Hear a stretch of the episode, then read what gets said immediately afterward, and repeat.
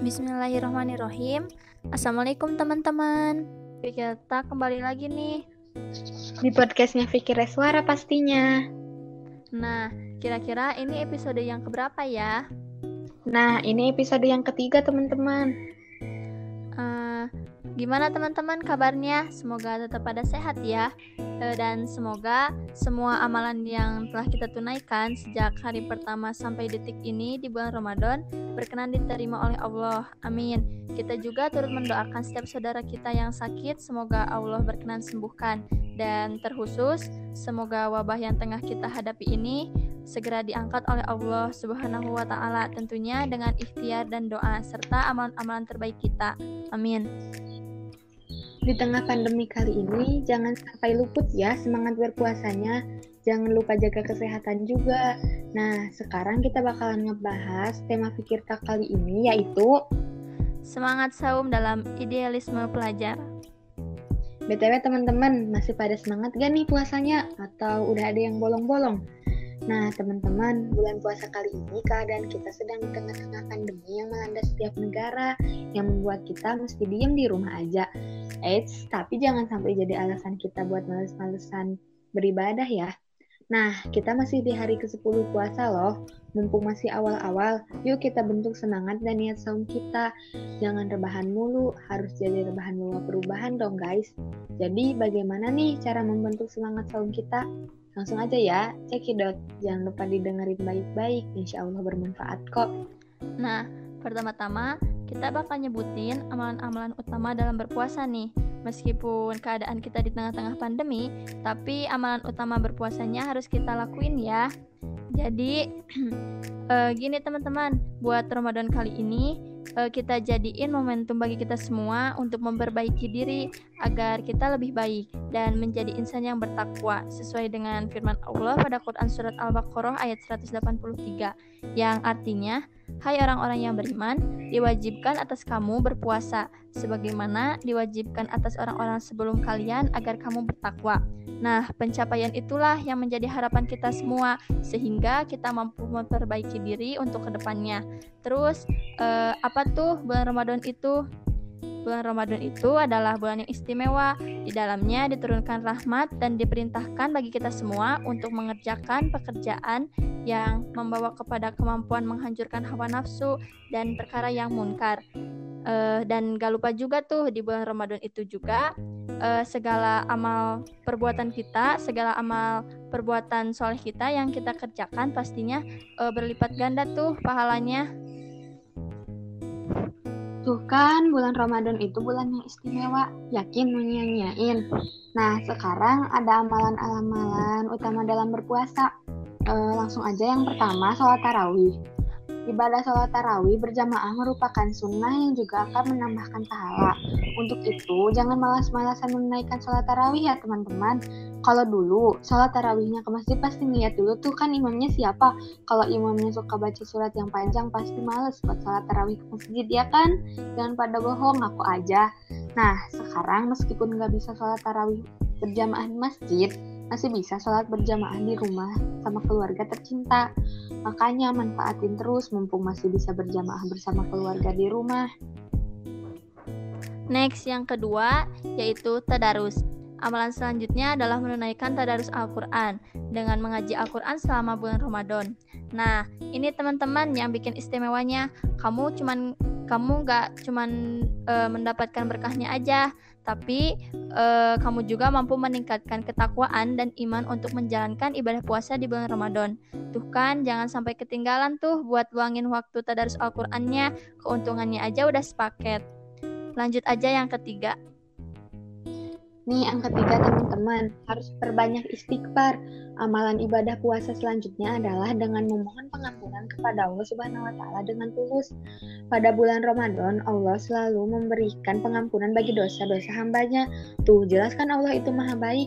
Setelah amalan kita meneruskan amalan selanjutnya yaitu taubat. Pintu pengampunan selama bulan Ramadan selalu terbuka lebar loh. Itulah sebabnya banyak orang yang bertaubat kembali ke fitrah di bulan Ramadan ini gak lupa juga Allah itu maha penerima taubat hambanya makanya kita manfaatin di bulan Ramadan kali ini untuk berbuat taubat dengan sungguh-sungguh Uh, yang keempat, perbanyak sedekah.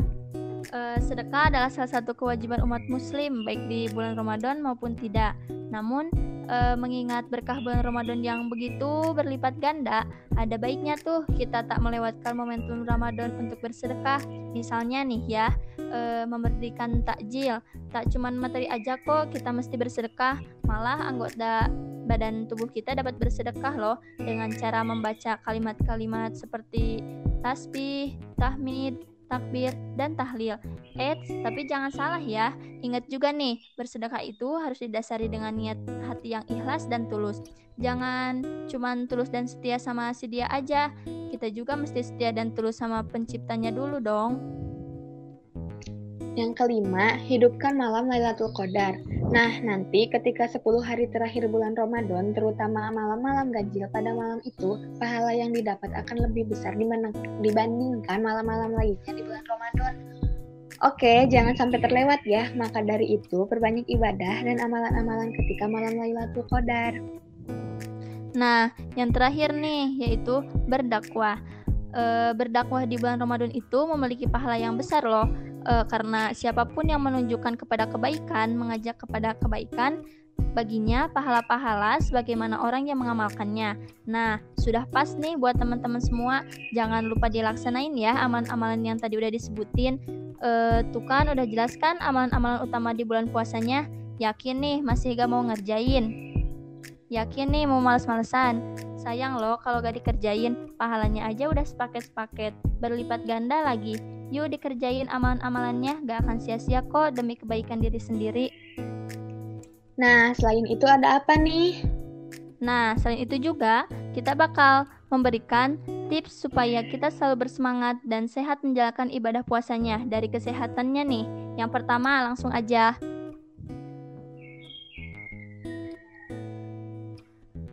Buka puasa dengan porsi normal. Setelah berpuasa seharian, Gak jarang tuh kita berbuka dengan makanan yang banyak, baik itu makanan ringan, makanan berat, segala yang di warung pasti dibeli. Dan akhirnya suka gak kemakan kan teman-teman? Jadi mubazir kan? Padahal makan yang berlebihan itu saat berbuka puasa e, membuat tubuh kita terasa penuh dan malah bisa bikin sakit loh. Selain itu juga kalau kita terlalu kenyang saat berbuka puasa, nanti pas sholat terawihnya yang ada malah ngantuk gara-gara makan terlalu banyak dan sholatnya malah gak khusyuk nih. Next, yang kedua. Yang kedua, batasi makanan manis, bukan si dia yang manis ya. Eh, enggak, maksudnya gini ya teman-teman. Kalau kalian suka makan atau cemilan yang manis-manis pada saat puasa, lebih baik kita membatasi mengkonsumsi atau cemil uh, makanan manis favorit kita ya. Karena gini teman-teman, Gak jarang gula darah kita naik menjadi lebih tinggi dari biasanya. Bisa berdampak buruk bagi kesehatan kita loh. Selain itu, terlalu banyak mengkonsumsi makanan manis juga bisa bikin tubuh kita lemes di siang hari. Nah, yang ketiga, perbanyak air minum putih. Uh, teman-teman pasti ngerasain kan kalau keadaan cuaca yang lagi panas, tantangan terbesar kita loh itu uh, untuk menahan rasa haus. Kalau kita menahan haus dengan cara yang salah, pasti tubuh kita mengalami dehidrasi. Bahkan jika parah bisa bikin kita mengalami gangguan ginjal loh. Nah, buat teman-teman semua, jangan lupa ya minum vitamin dan makan buah-buahan dan sayur-sayurannya yang banyak ya. Yang keempat nih, pasti teman-teman sering ngelakuin ini. Uh, Terus yang keempat teh kita harus tidur yang cukup. Nah ini nih biasanya ya para remaja-remaja itu suka pada begadang kan buat hal-hal yang gak penting yang nantinya berakibat waktu bangun sahur jadi telat, sholat subuh males gara-gara ngantuk. Selain itu juga bisa merusak kesehatan kita loh. Terus buat para milenial milenial jangan rebahan terus selama bulan Ramadan. Jangan kasut mulu. Yuk beribadah dengan maksimal dan isi kegiatan sehari-harimu dengan hal yang bermanfaat. Nah, sudah jelas kan teman-teman tips supaya kita tetap semangat dan sehat dalam melaksanakan ibadah puasa ini? Nah, selain itu ada apa tuh di poin terakhirnya? Sekarang di poin terakhir kita bakal nyebutin hal-hal yang sekiranya suka kalian lakuin di bulan Ramadan ini. Di nomor berapa nih yang pernah kamu lakuin? Langsung aja ya. Yang pertama, habis sahur bablas tidur. Pasti kalian suka langsung tidur kan kalau habis sahur. Nah, kalau ini ada juga yang sampai gak sholat subuh atau subuhnya tuh siang. Jadi kayak serasa sholat duha, itu masih kan kesiangan banget. Pasti ini sering banget ditemukan. Bener gak sih teman-teman? Nah, yang kedua, lebih mementingkan buka puasa daripada sholat maghrib. Sholat maghribnya gak pernah dipikirin, yang penting berpikir berbuka dengan berbagai menunya. Segala pasti suka dimakan. Next, yang ketiga. Yang ketiga, puasa tetapi tidak sholat. Nah, ini nih yang salah. Padahal kan meninggalkan sholat itu termasuk orang yang kafir. Emangnya, jika sholat ditinggalkan tidak berpengaruh pada puasanya? Ya jelas berpengaruh lah. Kalian pasti gak mau kan ditinggalin sama doi gitu aja. Ya Allah juga sama, ia tidak mau kewajiban yang diperintahkannya ditinggalkan begitu saja oleh hambanya apalagi sampai dilupain. Eh, sakit pisan itu mah. Lanjut, yang keempat, tidak patuh pada orang tua. Contohnya saja, e, malas disuruh sama orang tua buat beli sayuran ke warung gara-gara sibuk main HP. Padahal di HP-nya gak ada apa-apa, cuman main game terus. Ayo lo, siapa yang kayak gini?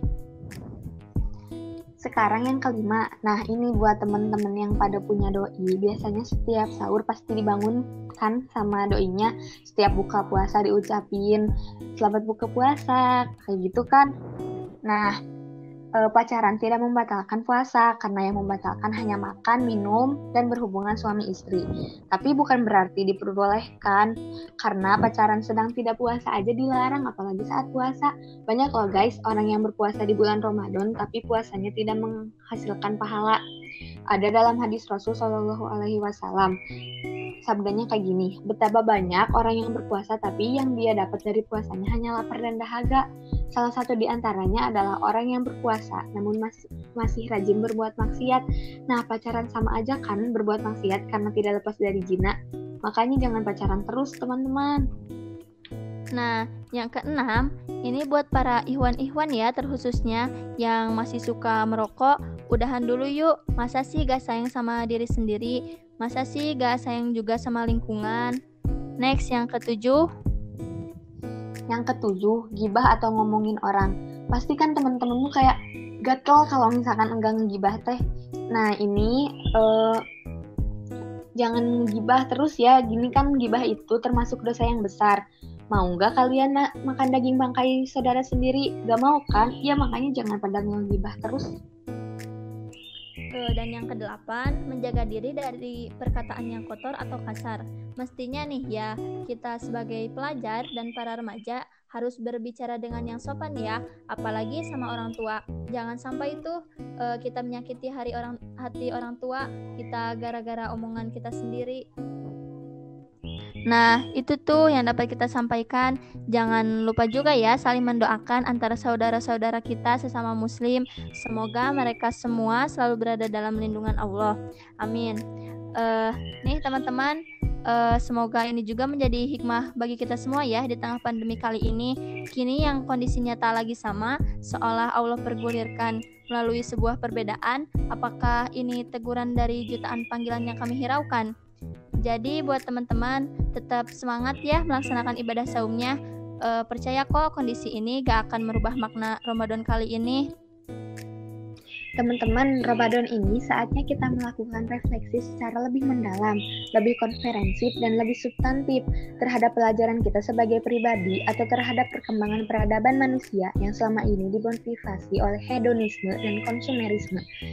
Saatnya kita kembali menjati menja, mencari jati diri kemanusiaan kita yang mungkin telah terlupakan karena kesibukan pekerjaan duniawi yang, sedemikian, yang sedemikian menuntut atau karena hal-hal yang sesungguhnya tak penting seperti game dan media sosial yang kini menjadi keseharian kita.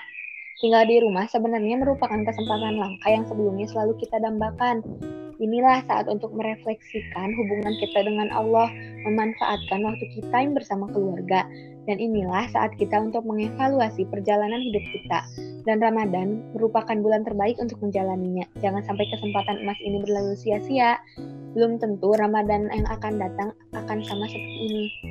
Dan jangan lupa juga jangan sia-siain ya kesempatan kita buat beribadahnya uh, ya kita cukupkan saja di Fikir Tal kali ini. Cukup sekian yang dapat kami sampaikan. Semoga bermanfaat. Kurang lebihnya mohon maaf. Uh, next time ya. Terus stay tune di Fikir Suara nih. Nantikan Fikir Talk selanjutnya dan patengin terus IG Fikir Suaranya. Pasti ada sesuatu yang baru dan pastinya menarik nih. Terima kasih. Fikir Suara 2020. Wujudkan santri ideal di era di milenial era milenial. Oh iya, jangan lupa stay safe. and stay at home ya. Terima kasih. Assalamualaikum warahmatullahi wabarakatuh.